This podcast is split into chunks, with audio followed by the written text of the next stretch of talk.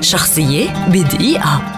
ولد الشاعر والكاتب المسرحي الإنجليزي كريستوفر مارلو عام 1564 في كاتربري في إنجلترا وحصل على درجة البكالوريوس في الآداب عام 1584 ودرجة الماجستير عام 1587 يعتبر مارلو أشهر الكتاب التراجيديين في القرن السادس عشر وتعتبر أعماله أساسا لأعمال الكثير من الكتاب الذين جاءوا بعده وخصوصا ويليام شكسبير الذي اقتبس الكثير من مارلو.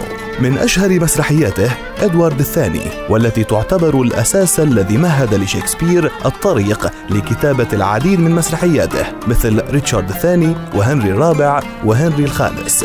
مسرحية مارلو الأشهر هي مسرحية التاريخ التراجيدي لدكتور فاوستوس. صور مارلو في شخصياته الرئيسية صراع الإنسان ضد رغباته وعواطفه التي تسيطر عليه إلى حد الهوس وصراعه مع القيود التي تحد من حريته بين طموحه وصعوبة تحقيقه. عرف مارلو بشعره المدوي الخطابي الذي تميز بإيقاعات قوية وجرس حماسي مسرحي مؤثر وبقدرته على استخدام الحبكة القوية والتأثيرات المسرحية المتنوعة وقد أعطى الشعر المرسل في النص المسرحي مرونة وجزالة وجرسا موسيقيا مؤثرا بعيدا عن الجمود الذي كان يعتريه قبل أن يحرره مارلو من قوالبه الثابتة المقفات.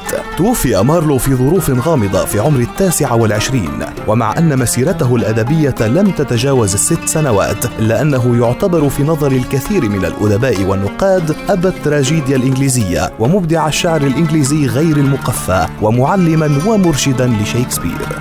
شخصية بدقيقة.